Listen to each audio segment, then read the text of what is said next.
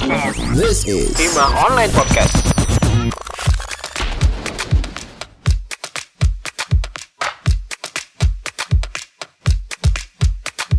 Halo semuanya, selamat datang di Himmah Berbicara. Namaku Ayin. Di episode kali ini, kita akan ngobrol-ngobrol seru nih sama partner Himmah lainnya. Boleh dong kenalin diri masing-masing ke pendengar Himmah. Halo semuanya, nama aku Selda. Oh, halo semuanya, nama aku Tio. Halo semuanya, nama aku Adim. Ya, kebetulan teman-teman Himmah lagi melakukan beberapa liputan nih. Kali ini, kita mau membahas proses liputan tersebut sampai kejadian-kejadian menarik apa sih yang terjadi selama liputan. Yang akan kita bahas sekarang adalah liputan piungan dan liputan Rengas Dengklok. Jadi siapa aja sih mas yang join di liputan Rengas Dengklok ini? Oke, kalau di liputan Rengas Dengklok itu ada tiga orang dalam satu tim. Ada saya, ada namanya Intan, ada namanya Nadia.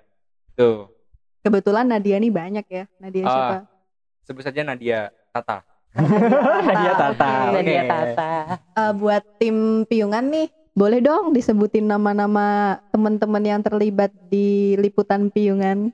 Oke, jadi yang pertama ada siapa Mbak Sel? Ada saya sendiri. Kemudian ada saya kedua. Yang ketiga ada siapa Mas Tio? Ada Sebut saja. sebut saja Kemal Mabruri. Dan yang keempat sebut saja Eka. Terus yang terakhir ada Mbak Ika. Iya. Eh, kalau misalnya bisa dibilang ide-ide dari liputan kita itu adalah keresahan kita akan sesuatu fenomena gitu ya. Jadi pertama-tama aku mau nanya dulu sama teman-teman liputan piungan. Nah untuk Mbak Selda sama Mas Tio, kenapa sih kok milih liputan di piungan? Mungkin Mbak Sela bisa jelasin dulu kali ya. Gimana Mbak Sel? Oke, jadi kenapa sih aku pengen gabung gitu ya?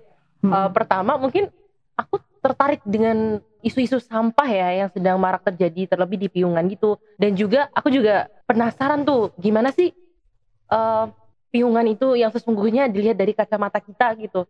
Dan aku juga belum pernah tuh ke TPS yang sebesar itu. Ternyata kayak gitu. Oh, jadi ini bisa buat pengalaman lah sama aku. Jadi kalau kita ke piungan ternyata tahu sisi baik dan buruknya TPS itu gimana gitu sih kalau menurut aku. Mungkin ada tambahan lain dari Mas Tio? Kalau aku pribadi sih ikut dalam tim liputan ini, ini karena tertarik sama outputnya ya. Jadi kan rencananya dari liputan ini outputnya adalah lensa dan kebetulan karena aku hobi moto dan ini hasilnya ada lensa, jadi aku gas deh. Dan juga topiknya menarik, yaitu di piungan. Belum pernah juga mau nyoba motret sana gitu. Oke, tadi kalau boleh tahu Mbak Selda bilang ada baik dan buruknya. Baik dan buruknya itu apa sih Mbak setelah beberapa kali observasi ke sana? Eh, ini menurut aku ya karena kan objektif ya. Heeh. Eh, kalau menurut aku baiknya itu kita lebih kayak lebih bersyukur gitu. Ternyata di sekitaran kita itu masih ada orang-orang yang lebih membutuhkan daripada kita. Jadi kita lebih bersyukur tentang apa yang harus kita capai, apa yang harus kita dapatkan.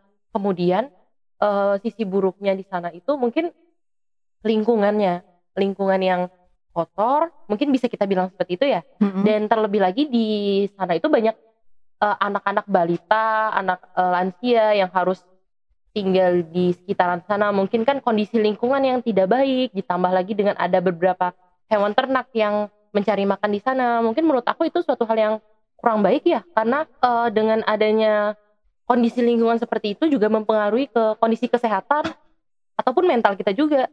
Kayak gitu sih menurut aku. Oh, oke. Barusan kita dengar apa sih yang menarik teman-teman buat ikut join di liputan piungan. Nah, sekarang aku pengen tahu nih, kenapa sih buat Mas Adim? Kenapa kok memilih liputan di Rengas Dengklok? Atau lebih tepatnya di rumah pengasingan Rengas Dengklok gitu ya, Mas? Iya. Oke. Kenapa tuh? Eh, kalau aku per- pertamanya itu karena aku ada eh, program kampus pengajar yang ditempatkan di daerah Karawang dan dekat dengan Rengas Dengklok.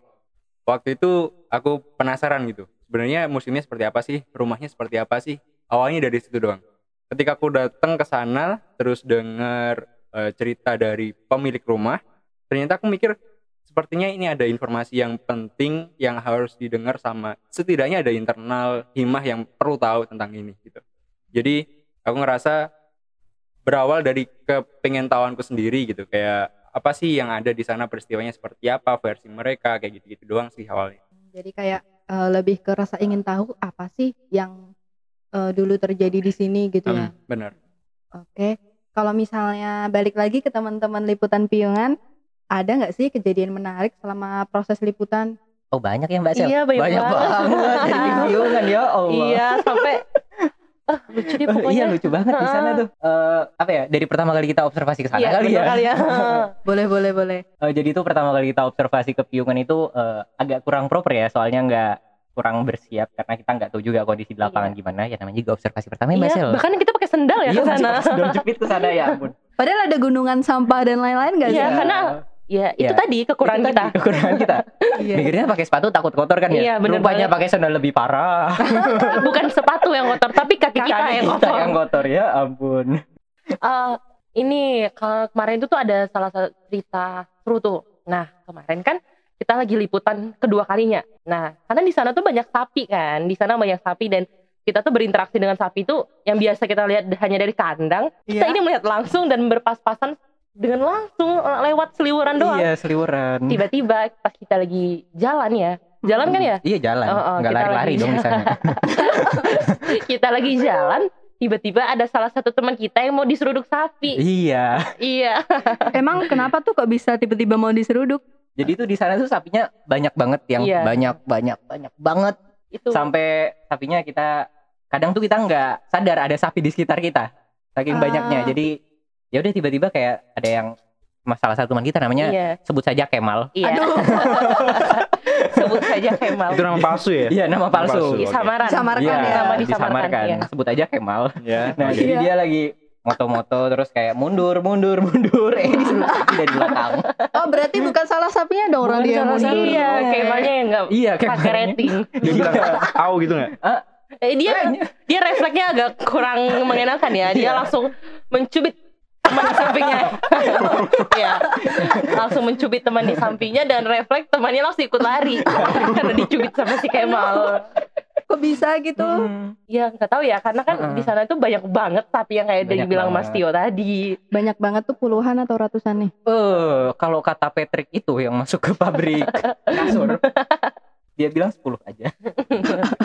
Berapa jadinya? Enggak banyak, banyak pokoknya banyak banget. Enggak kehitung ya, Bu? Iya nggak kehitung kayak Heeh. kayak tenggo ya ratusan. Ratusan. Iya, bahkan satu Berapa ekor ratusan satu gitu. pemilik itu bisa satu pemilik itu bisa punya 50 sapi Hmm. di situ Oh. dan di situ tuh ada banyak pemilik sapi. Iya. Jadi heeh, banyak banget. Jadi bisa dikali dan bisa jadi lebih dari ratusan gitu ya? Iya, bisa dari jadi. 100. Bisa jadi. Itu Hmm. mungkin pas kita pas kita ke sana yang dilepasin baru segelintir sapi. heeh, heeh. belum semuanya. Iya benar. Belum semua yang dikeluarin tapi udah banyak banget gitu ya Banget, ternyata. banget, Asli, banget, asli banget. banyak banget. Terus terus abis sapi gitu ada ada nggak sih yang lebih yang seru lagi gitu? Ah, yang seru lagi apa ya, Mbak Sel? Eh, kayaknya pas kita pakai helm proyek ya. Oh iya pas pakai Iya. helm proyek. Oh, sih gitu. sebenarnya. Kebetulan kita semua anak sosum ya. Iya, anak Oh, sosum iya. semua. Heeh, Jadi tiba-tiba kaget dong langsung disuruh pakai APD. Wah, pakai APD, Wow. pakai helm proyek, putih Hmm. lagi. putih. Merasa dokter atau gimana? Eh, kok merasa dong? dokter sih? Berasa anak teknik, Bu. oh iya, iya. berasa anak teknik. Iya. Kita anak freelance sih teknik. kebetulan. Iya. Oh, freelance di piungan. Iya. Baru denger sih ini. Ya makanya kita kayak wah dipakai APD nih keren banget ya. Iya. Kita yang nggak pernah menyentuh alat-alat seperti itu sesekalinya ke piungan langsung pakai APD. Heeh. Wah. Nggak harus jadi anak teknik untuk pakai APD dan helm proyek ya. Betul, Iya, betul. sekali. Jadi anak hima aja. Iya jadi terima aja. Eh, tadi kan eh, Mbak Selda sama Mas Tio cerita soal sapi nih. Kalau boleh diceritain sapi yang di piungan tuh kayak mana sih keadaannya? Mereka sehatkah, gemukkah? Kalau diceritain kondisinya gimana ya Bu Selda? Agak susah ya Mas Tio ya. Iya, Heeh. soalnya eh, sebenarnya itu tergantung dari sapinya ya. Iya. Bisa milih makanan apa Iya. enggak. Karena Nggak ada yang ngerawat soalnya. Aduh, Tergantung mereka ngerawat diri sendiri. Kalau sapinya vegan bisa lah ya. Bisa. Iya, kalau sapinya vegan Emang bisa. sapi ada yang nggak vegan, Bu? kebetulan sapinya kayaknya- omnivora kah di sana? Kayaknya sapinya omnivora deh. Soalnya Iya. kemarin aku lihat sana tuh dia makan karpet. Wow. Masuk termasuk makan teman juga nggak? Enggak, Bisa enggak. jadi sih. Sapi Wah, makan sapi ya. Aku enggak, pernah kayaknya enggak tuh. kemarin aku sempat denger-dengar sih dari teman-teman ada yang makan baterai gitu kah?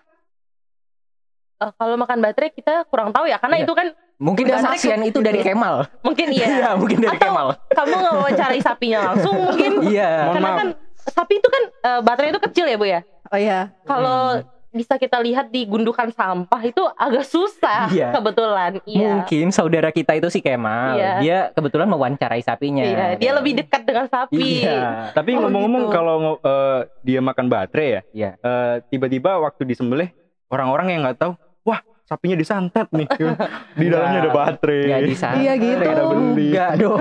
ya karena ada mungkin nggak tahu ya kalau ini sapinya nih dia selama hidup dia hidupnya kebetulan takdirnya di piungan gitu. Oh, gue Iya. pikir dia ini eh, si sapi waktu hidup banyak jahat Dosa, gitu sama iya. teman-temannya gitu. Wah, jadi teman-temannya nyantet. Iya. Itu katanya kemarin aku juga dengar dari teman dengar dari teman kita yang disamarkan namanya Kemal itu. eh sapinya Sorry nih ya, Kemal. ada sepatu ya di tanduknya. Kok sampai kayak barang-barang apa pun yang yang tidak terduga tuh bisa ke badan sapi gitu.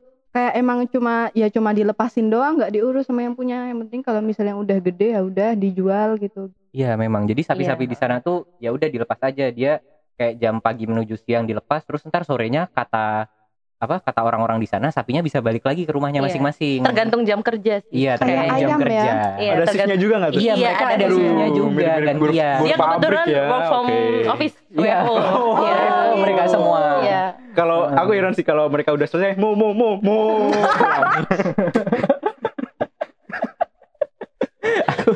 Aku ngebayangin mereka kalau jam balik kerja mampir ke coffee shop dulu nggak sih buat sambat tentang hari ini sapi-sapi Nanti yang kita lain. ngobrol tentang hari ini gitu ya sama besti-besti sapi. Iya. Atau sapinya pulang naik KRL kali ya. Mau mau mau mau mau. Eh, Oke, Eh, jadi kan tadi teman-teman Piungan udah cerita nih soal keseruan liputan di Piungan. Salah satunya tuh ada nemuin sapi omnivora di sana yang akhirnya ntar gak tahu nih dia dijualnya ke mana gitu. Terus sama eh, anak-anak liputan Piungan yang kebetulan semua anak sosum, tapi kebetulan nih dapat kesempatan buat pakai APD sama helm proyek yang anak teknik banget nih. Kalau kalau gak join himmah nih belum tentu ya bisa dapat pengalaman pakai eh, kostum-kostum perteknikan gitu. Betul sekali. Benar sekali. Karena itu yang kita mau. Betul. Kalau pengen punya banyak pengalaman, join ke mana? Join ke Join ke Hima. Hima. Oh. Oh, emang itu Tetap ya marketingnya. Mantap. Hima the best. Terbaik. Kalau misalnya tadi kan kita udah denger nih dari tim liputan Piungan apa yang menarik dari Piungan. Nah, sekarang kita ganti nih tanya ke Mas Adim, apa sih Mas yang menarik dari liputan rumah pengasingan Rengas Dengklok nih? Oke. Hati-hati Mas Adim jangan sampai nggak lucu. Oh. Barusan udah lucu. Eh, ini konsepnya sebenarnya saya dikeroyok dua orang ya, jadi saya agak takut ya. Eh, kalau cerita tentang pengalaman di Rengas Dengklok yang seru itu nggak lebih lucu ya, tapi lebih kayak saya yang bodoh saja gitu. Gimana tuh Karena- kebodohannya? Eh, satu, pertama eh, karena jarak eh jarak dari kos eh, saya ke Rengas Dengklok itu sekitar 18 km gitu kan. Oh, jauh juga Mas. Eh, lumayan, Hmm. cuma nggak sejauh itu gitu kan. Eh, saya datang ke sana itu cuma iseng doang, ng- tanpa riset apa pun gitu. kayak wisata gitu. Iya, Wisata masa lalu nggak? Waduh. Uh, Saya hampir masa nyanyi nih. lalu, Dalam- masa lalu saya Indonesia. hampir ini. nyanyi nih. Deep banget ya. Iya, iya. Lanjut lanjut lanjut. Oke. Maaf, maaf, maaf. Oke, eh, saya datang ke sana eh, untuk pengen tahu doang awalnya kayak apa sih yang ada di sana gitu. Terus sok ngide doang kayak datang ke sana tanpa mikir panjang, tanpa riset apa pun gitu. Terus aku datang, terus pas nyampe sana, kok tempatnya kayak gini doang ya? Di mana museumnya gitu? Katanya ada museum, tapi kok ini rumah biasa gitu. Jadi museum Rengas Dengklok, peristiwa eh, penculikan Rengas Dengklok itu rumahnya literally rumah yang ditempatin sama orang gitu. Kayak rumah Kayak kita gitu. Rumah kita tapi di tempat eh, dikunjungin sama banyak orang gitu. Hmm. Jadi, Aku wak- waktu masuk, ah ini apa nih gitu? Ini rumah atau museum atau apa? Cuma aku masuk itu banyak foto-foto Bung Karno sama Bung Hatta. Kayak ini aku salah rumah nggak sih gitu. Nah, Bahaya ya kalau salah rumah. iya makanya kan kayak sempat masuk rumah tetangga nggak? Aduh, eh, mau nyanyi lagi kan nih? Ini apa nih?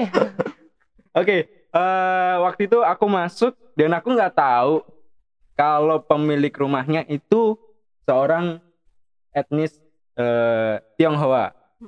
Jadi aku ketika datang kok yang nyambut aku ibu-ibu udah tua gitu dan aku cuma masuknya modal gengsi karena di situ ke- kebetulan ada dua orang yang juga datang Mm-mm. terus kayak mereka nanya ke ibunya ini kamarnya siapa? Ini kamarnya siapa? gitu-gitu. Terus ibunya jelasin kalau yang di sebelah kiri kamarnya Bung Hatta yang sebelah kanan kamarnya Bung Karno gitu. Oh aku dari situ menyimpulkan bahwa oh ibunya ini si pemilik rumah gitu kan. Terus kami sedikit ada perbincangan gitu eh, ketika bapak dua orang yang awalnya datang sebelum aku tadi itu pulang terus aku coba nanya gitu ada satu hal yang unik di mana aku culture shock ya di mana aku orang Jawa datang ke Karawang yang ketemu orang Sunda yang menurut orang Sunda itu sebenarnya biasa aja tapi menurut saya kayak ini orang marah-marah nggak sih gitu Oh. Nah, itu yang kayak- Kayak mana tuh? aku nanya kan eh, Bu ini rumah mulai kapan gitu Pakai bahasa Jawa. Ya enggak dong Oh, enggak. Iya, enggak ngerti dong Pakai bahasa ibunya. Indonesia. kalau pakai bahasa Jawa sepertinya saya pakai bahasa tubuh juga Salah- nanti. salah semesta ya kayaknya iya. ya. Ini kan ada Indonesia yang sangat lengkap diberkahi dengan bahasa Indonesia yang bisa Oh, iya. mempersatukan Bener Indonesia gitu kan. Oke, oke, itu sebuah anugerah dari Tuhan yang sangat luar biasa untuk Indonesia gitu. Mantap. Pas aku nanya, ibunya jawab, "Ya dari dulu, Mas." Dari Oke. pertanyaannya agak Agak kurang tepat ya. sepertinya ya. Ya, Iya. saya langsung dalam hati, ya bener sih kayaknya saya yang salah nanyanya. Terus Langsung merasa bersalah. Iya, terus aku coba nanya lagi. eh ini ibu generasi keberapa kalau boleh tahu yang tepat tinggal di sini gitu. Oh, saya generasi ketiga, jadi yang punya rumah ini adalah kakek saya kayak gitu-gitu. Nah dari situ kayak, oh oke cara ibunya ngomong kayak gini gitu. Jadi kayak aku awalnya cara ngomongnya itu kan orang-orang kadang-kadang ketus ya. Mm-mm. Nah itu kalau di saya orang Jawa kadang-kadang kayak kok ketus banget ya. Tapi menurut mereka sebenarnya itu biasa aja. Oh, oke. Jadi uniknya ada perbedaan budaya yang aku belum sadar bahwa aku ada di tempat orang lain. ah Hmm. ya. Masih agak ada culture shocknya juga. Ah, ah. Jet lag. Benar. Jet lag. Jadi Oke. pengalamannya bukan yang lucu tapi kayak akunya yang kurang riset sih sebenarnya. Mm-mm. Tapi eh, sebagai orang sebagai orang yang melihat Sunda tuh nggak tiap hari gitu ya Hmm. Mas, aku juga memahami sih Hmm. bahwa kita tuh menangkap orang Jawa tuh lembut, orang Sunda tuh juga sebagian besar lembut. Jadi Iya, kalau kita ketemu orang Sunda yang agak eh, seperti kata Mas Adim tadi agak ketus dikit, kita agak kaget gitu. Iya, ya. iya benar-benar. Sebenarnya mereka biasa aja, kitanya yang kaget gitu. Iya. Menarik sih Mas kalau misalnya membahasakan ah mengaitkan suatu budaya dengan kayak misal orang Batak tuh keras, orang Jawa tuh lembut, terus orang Sunda tuh halus gitu. Hmm. Lembut sama halus kayak gak beda ya. Mirip lah. Tapi ternyata eh, di realitanya orang Jawa yang katanya lembut itu tuh juga banyak yang kasar. Orang Batak yang keras itu ju- juga ternyata ada loh yang lembut. Terus kalau misalnya orang Sunda yang lembut ternyata juga bisa loh. Kalau kepribadian ketus ya ya emang cara bicara yang begitu gitu ya. Begitu. oh, iya dong. Iya, begitu. oke lanjut lagi ke teman-teman piungan. Kalau boleh tahu piungan tuh eh, selama di Jogja aku baru dengar tempat pengelolaan sampah terpadu tuh cuman piungan ya. Jadi kalau boleh tahu piungan tuh nampung sampah dari mana sih? Kok kelihatannya kayak banyak gitu? Di mana aja sih Mas? Tio itu kemarin piungan? Piungan itu nerima sampah itu dari Kabupaten Sleman, Kota Jogja, sama Kabupaten Bantul. dari mana aja Cek.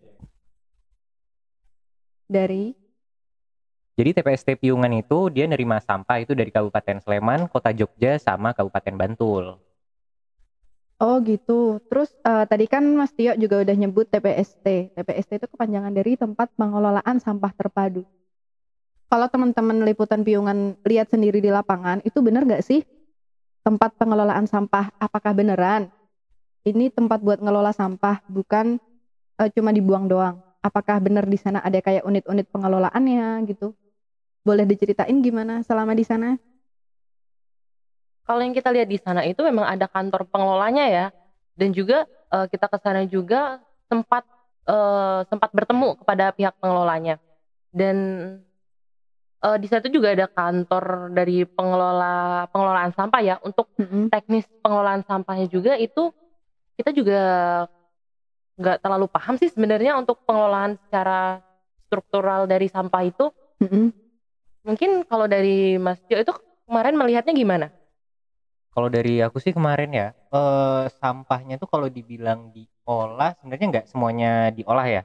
Jadi mereka tuh lebih apa ya? Ditimbun kayaknya ya? Iya bener Iya, ditimbun. ditimbun. Ditimbun doang. Eh, kayak kalau misal ada kayak upaya klasifikasi sampah gitu ada nggak di sana? Di sana nggak ada sih upaya klasifikasi sampah. Jadi paling kalau klasifikasi dari pemulung-pemulung yang ada di sana, mereka milihin sampah plastik, sampah beling atau apa, itu juga buat mereka jual lagi. Bukan buat diolah secara apa ya? Secara secara apa sih Mbak? Secara Secara- harfiahnya diolah tuh enggak. Iya, Hmm. secara Hmm. benar gitu kan. Karena Hmm. juga kan itu kan jutaan ton sampah ya. Kalau mau Iya. mengelola kayak seperti pengelolaan 3R itu cukup sulit karena itu kan banyak banget sampah yang kayak seperti dikatakan Mas Tio tadi kan itu sampahnya ditimbun. Ditimbun itu nah sedikit info FYI mungkin teman-teman pendengar podcast belum ada yang tahu ya kalau misalnya sebenarnya itu di Piungan itu ada proyek sampah gitu. Nah, proyeknya itu sampah Piungan itu bakal dipindah ke sampingnya dan TPST Piungan yang lama ini akan ditimbun, akan diratakan lah ibaratnya itu akan disterilisasikan untuk Mhm. tidak di tidak menjadi timbun timbunan sampah kembali dan timbunan eh, untuk TPS-nya nanti pindah ke sisi sampingnya gitu. Udah bukan di piungan lagi mbak atau Masih di Piungan, Masih Masih piungan, tapi area yang beda sama. area. Iya, Beda masih. area dikit aja. Beda kayak blok. geser doang gitu Iya, ya? benar. Oke, terus eh, kalau teman-teman denger-denger nih, yang misalnya yang sekarang adalah piungan tuh mau diubah jadi apa sih? Kalau dari apa ya? Pemaparan dari pihak proyek kemarin yang kami tanyain, mereka Mhm. sebenarnya juga masih belum ada kepastian, baik itu dari Pemda atau Dinas Pariwisata yang nanti bakal ngelola area itu. Mm-mm. Jadi mereka juga belum tahu ini, ini sampahnya ditimbun terus dijadiin kayak bukit gitu. Sekarang masih bukit tandus gitu sih. Oh iya. Ya, jadi itu bukit isinya sampah semua dan mereka belum tahu ke depannya mau bakal dibuat apa. Oke. Eh, terus kalau misalnya eh, teman-teman pernah pernah apa ya kayak referensi-referensi semacam piungan kayak kalau misalnya di Jogja kita ada piungan. Kalau misalnya di agak ke barat mungkin ada kita kenal Bantar Gebang gitu. Nah, kalau di Bantar Gebang tuh aku denger-dengar pernah nonton dari YouTube gitu. Katanya eh, di sana tuh eh, apa ya kayak warung-warung atau toko-toko di sana tuh omsetnya sebulan tuh bisa sampai puluhan juta gitu. Kalau di Piungan tuh bener gitu kah? Atau ada yang mirip? Kalau untuk omset penjualan kita juga kurang tahu ya. Tapi kalau Mhm. untuk melihat eh, warung-warung di sana itu juga ada otomatis mungkin mungkin nih mungkin juga banyak pembeli karena di sana kan banyak pekerja proyek ya. Mungkin kalau habis kerja tuh capek-capek itu kan kayaknya kalau minum es teh seger banget kan ya. Mungkin sambil melihat pemandangan depan sambil menyeruput es teh gitu kan asik. Gitu ya. Iya. Sekali seruput langsung nendang ya. Iya. Langsung bener-bener nendang. nendang banget. Aduh, podcast lain. Oke. Eh, tadi Mbak Zelda bilang pekerja proyek. Proyek apa nih yang ada di Piungan? Setelah eh, tadi kan udah disebut ada kayak pergeseran gitu ya dari yang Piungan dari yang Piungan sebelah sini mau dipindah agak ke sana gitu. Nah, itu tadi proyek ini, proyek sterilisasi piungan yang akan dipindahkan TPS piungan itu akan dipindahkan ke sisi sampingnya. Nah, Mm-mm. jadi proyeknya itu untuk eh, menutup menutup menimbun sampah sih lebih tepatnya itu untuk menimbun sampah sehingga jadi kemarin itu kita ngelihat tumpukan sampah itu udah jadi bukit ya Mas Tio ya. Iya, udah jadi bukit. Tapi itu juga ntar hari Senin hari Senin, hari Iya, Senin tanggal hari berapa sih Senin. ntar? Hari Senin tanggal 19 eh 18 18. Iya, 18. Ntar itu mereka bakal lanjutin lagi buat ditumpuk lagi, dibawa lagi ke atas bukit, terus ditumpuk lagi. Gitu terus. Nanti bakal intinya tujuannya biar timbunan sampah yang ada di sana tuh tertutup seluruhnya Tertutup. sampai sampahnya nggak kelihatan gitu ya. Ya, Benar terus buat sampah baru yang mau datang dipindahin ke Sebelahnya. blok sebelahnya. Oke. Eh, lanjut ke teman liputan Rengas Dengklok nih Mas. Aku tadi kayaknya pertanyaan sebelum kita ngerekam ya pre-recorder, pre-recordingnya. Tadi aku dengar Mas Adim bilang, jadi di sana aku tanya nih, menurut Mas Adim, apa sih uniknya Rengas Dengklok sehingga kita mewawancarai penjaga yang ada di sana Oke. gitu. Oke. Eh, yang aku temuin dan aku ngerasa ini yang harus teman-teman himah tahu itu adalah di mana ibunya bercerita ini versi ibunya ya di mana ibunya mengklaim bahwa mereka punya cerita versi dari keluarga karena secara nggak langsung mereka adalah saksi eh, dari peristiwa tersebut gitu. Ibunya eh, bercerita bahwa ketika eh, Bung Karno dan Bung Hatta itu ada di kediaman mereka itu mereka dibawa keluar dari rumah tersebut untuk tidak mengganggu apa yang dilaksanakan oleh Bung Karno dan Bung Hatta. Nah, ketika Bung Karno dan Bung Hatta sudah pulang dari kediaman mereka, pas masuk ke rumah lagi itu mereka menemukan ceceran kertas di ruang tengah di kamar Bung Karno dan Bung Hatta itu yang jumlahnya banyak banget. Nah, sayangnya waktu itu keluarga mereka itu takut akan datangnya eh, tentara Jepang karena waktu itu pasti mereka takut ada intimidasi dari te- tentara Jepang gitu kan. Karena ketakutan itu tanpa pikir panjang, kertas-kertas yang berserakan itu mereka kumpulkan dan dibakar. Jadi ibunya itu eh, berpendapat bahwa sempat ada ceceran kertas yang diduga itu adalah eh, upaya Bung Karno dan Bung Hatta untuk membuat kerangka teks proklamasi. Jadi sebelum eh, dibawa ke rumah Laksamana Maeda, Mm-mm. Bung Karno dan Bung Hatta di rumah tersebut connected. mereka kayak udah nge bikin kayak kerangkanya atau bahasa anak zaman sekarang kan udah brainstorming gitu ya. ya sempat bikin kerangkanya teks proklamasi. Mm-mm. Setelah itu eh, sebelum subuh Bung Karno dan Bung Hatta dibawa ke rumah Laksamana Maeda. Ya. Setelah itu di pagi harinya di hari Jumat jam 10 pembacaan teks proklamasi dilaksanakan. Oh begitu. Jadi kayak kita nemu ini kayak fakta beda dari buku sejarah yang kita baca Hmm. dulu pas masih sekolah Iya. gitu. Jadi kalau misal di buku sejarah Hmm. dulu itu eh, ceritanya di rumah Jiao Kisong itu ya mas. Kalau Iya. aku nggak salah pelafalan namanya. Hmm. Itu eh, Bung Karno dan Bung Hatta itu dibujuk sama golongan muda Hmm. biar mau proklamasiin Indonesia secepatnya, nggak usah nunggu Jepang gitu. Katanya. Nah ceritanya di rumah itu eh, cuma terjadi perundingan doang, tapi Ini berdasarkan cerita dari ibu penjaga, ternyata Bung Karno, Bung Hatta, dan juga golongan pemuda di rumah Rengas Dengklok ini juga ada brainstorming nih Hmm. buat eh, merumuskan naskah proklamasi apa yang mau dibaca pas Iya, proklamasi kemerdekaan Indonesia gitu ya mas. iya benar. Itu berdasarkan pengakuan dari eh, generasi ketiga pemilik rumah tersebut. Bener banget, berarti itu fakta yang lumayan menarik dan mencerahkan nih, karena kita selama ini taunya eh, brainstormingnya dan perumusan naskahnya itu di rumah Laksamana Maida. Ternyata rumah Pak Cio Kisong ini juga berperan dalam pembentukan eh, sejarah bangsa Indonesia gitu ya mas. Gak cuman sebagai tempat perundingan dan pengungsian doang, tapi juga sebagai tempat untuk eh, brainstorming naskah proklamasi. Iya, asumsinya seperti itu sih. balik lagi nih ke teman-teman piungan boleh nggak sih ceritain apa aja barang-barang termasuk barang-barang tak terduga yang pernah teman-teman temuin di sana Yang tidak terduga. Adalah. Jeng jeng jeng jeng. Beneran nih mau tahu nih. beneran dong Apa Mbak Sel? Uh, banyak ya karena aku lihat sendiri itu kayak mungkin ini terduga ya. ya Terduga mungkin. Terduga. apa tuh Aku melihat itu ada Mm-mm. apa ya kayak kasur, bantal, bantal yang masih bagus, bener-bener literally masih bagus gitu. aduh Aduh jiwa mengambilku meronta-ronta nih. Aduh. itu kayak apa ya? Mungkin nggak terlalu banyak yang aku lihat. Mm-mm. Eh, karena aku nggak nyampe gundukan atas gitu ya. oh iya Iya. nggak sampai mendaki ya Iya. Soalnya aku ya melihat dari jauh aja sih. Kayak yang kayak aku bilang tadi kayak ngeliat bantal-bantal yang masih bener-bener bagus sih. Kenapa sih dibuang? Terus kayak banyak ngelihat kursi. Terus ya, ya tapi aku juga nggak heran sih karena itu juga tempat pembuangan sampah kan ya. iya dong Mungkin dari Mas Tio ada yang pernah melihat sesuatu yang aneh mungkin? Sebenarnya kalau dari aku bukan aneh sih ya, cuman karena aku karena kita dari UII Iya.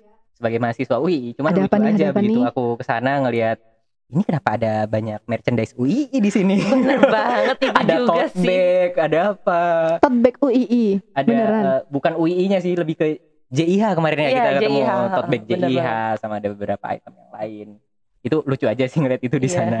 Padahal kalau dipikir-pikir tote bag itu adalah salah satu upaya kita buat mengurangi limbah plastik. Betul. Tapi tidak dengan limbah sampah kan. Oh iya. Iya. Kalau tote bagnya dibuang jadi sampah juga, Bu. Iya. Mengurangi limbah plastik tapi menambah limbah apa tuh kain ya? Ah, limbah dari sampah apa? sih. Iya, sampah aja deh intinya sampah. ya. Iya, sampah ya karena kita juga nggak yakin nih tote bag bahannya apa gitu. iya, nggak sempat kita pegang-pegang juga. Iya, nggak sempat kita riset ini Iya. dari apa sih bahannya? Iya. Hmm, jadi kita tuh bisa apa ya? Sekilas menyimpulkan bahwa kalau misalnya tote bag dengan banyaknya orang jualan tote bag, dengan banyaknya apa ya bahan-bahan yang diklaim ramah lingkungan kayak misal sedotan besi, sedotan apa sih namanya? Oh stainless Oh ya? iya, sedotan stainless itu. Itu nggak menjamin kalau misalnya mereka juga nggak akan berakhir di tempat pembuangan sampah gitu. Padahal yang kita niatkan itu tote bag nanti bisa buat tas belanja, tapi ternyata tote bag juga beberapa tote bag yang mungkin eh, kualitasnya beda sama yang diharapkan itu nanti juga rawan juga berakhir di tempat pengelolaan sampah gitu ya. Bener banget, karena kan ramah lingkungan tidak dengan ramah sampah kan? ya semuanya bakal jadi sampah. Ya, tinggal gimana kita bijak-bijaknya buat mengelola barang yang kita punya biar masa pakainya tuh panjang dan nggak cepet berakhir di tempat sampah gitu ya mbak. Betul, Betul. sekali. Mantap Bu Ayin. 100 Mantap. buat Bu Ayin. Jadi kalau misalnya kita kembali lagi ke teman liputan Rengas Dengklok nih, eh, ternyata kita ada juga ya mas apa Hmm. kayak eh, nemu kenyataan sejarah yang ternyata berbeda bahwa kita itu nggak bisa mentah-mentah nerima dari satu sumber yang kita dapat gitu. Jadi kita harus kayak cross check lagi. Itulah kenapa eh, ngunjungin museum atau tempat bersejarah itu penting ya, nggak cuma dari buku doang. Iya, Benar nggak mas? iya, iya. Tapi ini eh, belum ada pengujian yang begitu valid ya. Ja- Jadi ini asumsinya aja. Ini aku dapat dari pengakuan dari yang penjaga rumah. Teman-teman boleh mempercayai, boleh tidak. Tapi ini yang saya saya, saya dapatkan waktu itu gitu ya. Tapi eh, saran saya teman-teman memang harus datang ke museum untuk mencari tahu kebenarannya, bentuknya, ataupun eh, kisah-kisah yang mungkin nggak diceritakan di buku gitu. Tapi eh, teman-teman boleh me- menilai sendiri mana yang paling benar. Eh, menurut saya teman-teman datang ke museum itu wajib karena kalau kita nggak tahu identitas dari bangsa kita sendiri ya siapa lagi kalau bukan kita gitu-gitu. Betul. Eh, bagus banget Mas Adim kesimpulannya. Jadi kita bag- betapa baiknya nih buat kita buat em, belajar sejarah itu nggak cuma dari satu sisi, tapi dari banyak sisi gitu ya Mas. Kalau Nggak. perlu datang ke museumnya langsung Benar. untuk cari tahu dari eh, fakta lain di balik apa yang sudah kita baca. Dari situ kita bisa validasi dan kita bisa berpikir mana yang lebih eh, relevan untuk kalian gitu-gitu. Jadi eh, semakin banyak sumber yang kalian tahu, semakin banyak hal yang kalian dapat dan kita bisa menyimpulkan gitu sih. Jadi eh, intinya kalau si kalau kita nggak tahu identitas dari bangsa Indonesia ya gimana ke depannya gitu aja sih. Oke, keren banget nih Mas Mantap Adim. sekali, Mantap, Pak tepuk tangan dulu Adim. dong. Tombol tepuk tangan mana tombol tepuk tangan? Tepuk tangannya semua. Mantap. Terus eh, dari teman-teman piungan kita juga udah belajar banyak nih. Eh, kalau misalnya teman-teman lihat nih, bagian mana sih dari rumah yang banyak paling banyak menghasilkan sampah? Dapur sih ya. Dapur sih Iya, kayaknya ya. dapur. Sampah dapur banyak. Kenapa tuh kok gitu? Karena kan banyak tuh bahan masakan, bahan makanan yang diolah di dapur otomatis kayak eh, sampah-sampah dapur seperti kulit sayuran, kulit Iya, buah-buahan. Bahkan sisa-sisa bahan masakan kayak makanan basi kali ya Ah, yang iya, udah dimakan. basi. Terus Iya. juga biasanya kalau makan nggak habis itu kan juga jadi Nah, sampah dapur benar. juga. Iya, awas banget. nasinya nangis Iya. gitu kan. benar bungkus-bungkus gitu ya, kayak bungkus Bungkus-bungkusannya. mie, Iya, jajan dan benar, lain-lain. makanya. Oke, jadi kayaknya kemarin pas aku ngobrol sama dosen TL, kebetulan bareng Mbak Selda juga. Oh ya, boleh dong Mbak diceritain insight dari Pak Hijrah yang beliau tuh dosen TL punya concern di bidang persampahan gitu ya. Jadi di sana itu ya seperti yang Mbak In bilang tadi, sampah yang paling banyak itu kan di dapur ya. Mm-mm. Jadi sampah itu dari dapur akan kembali ke dapur gitu. Kayaknya udah banyak banget nih Setengah jam. topik-topik yang kita bahas, mulai dari liputan piungan sampai tadi udah sampai eh, belajar sejarah di rumah pengasingan Rengas Dengklok. Semoga teman-teman pendengar Himmah bisa punya insight baru dari obrolan kita barusan. Terima kasih banyak banget buat partner ngobrol kita kali ini. Makasih Mas Tio, makasih Mbak Selda dan juga makasih buat Mas Adim yang sudah menyempatkan waktunya bergabung bersama kita dan memberikan banyak insight baru buat kita semua. Dan juga tak lupa terima kasih buat teman-teman pendengar Himmah. Terima kasih banyak telah mendengarkan Himmah berbicara edisi Juli. Recap Himmah di balik layar liputan 2. Aku Ayin pamit undur diri. Sampai jumpa di podcast berikutnya. Bye bye. Bye bye ya. Bye bye. Makasih buat editor.